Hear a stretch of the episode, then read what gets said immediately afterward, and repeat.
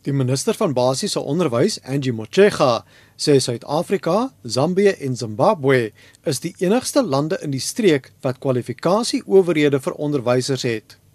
Motshega was een van die Suid-Afrikaanse ministers wat aan 'n SAOG-beraad oor onderwys en opleiding, wetenskap en tegnologie as ook innovering bygewoon het.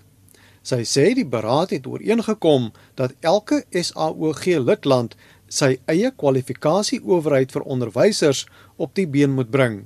But we added more on things that we do want teachers to to be vetted around, to be supported around, and what are the things that we really think will enable us to have some coherence and integration around the movement of skills and educators in particular, even professors in particular, Daar is ook op die beraad ooreengekom dat SAOG lidlande hulle kundiges en navorsingsvelde op 'n portaal vir wetenskap, tegnologie en innovering registreer.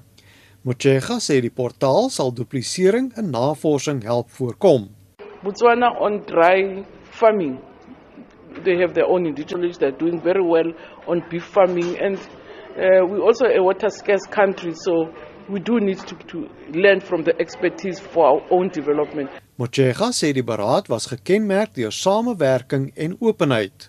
I think there's much more coherence, there's more openness, there's sharing of resources, and member states themselves, in their own strength or weaknesses, are making a contribution. Die beraad is een van die voorbereidende gesprekke vir 'n beraad van SAOG staatshoofde in Augustus.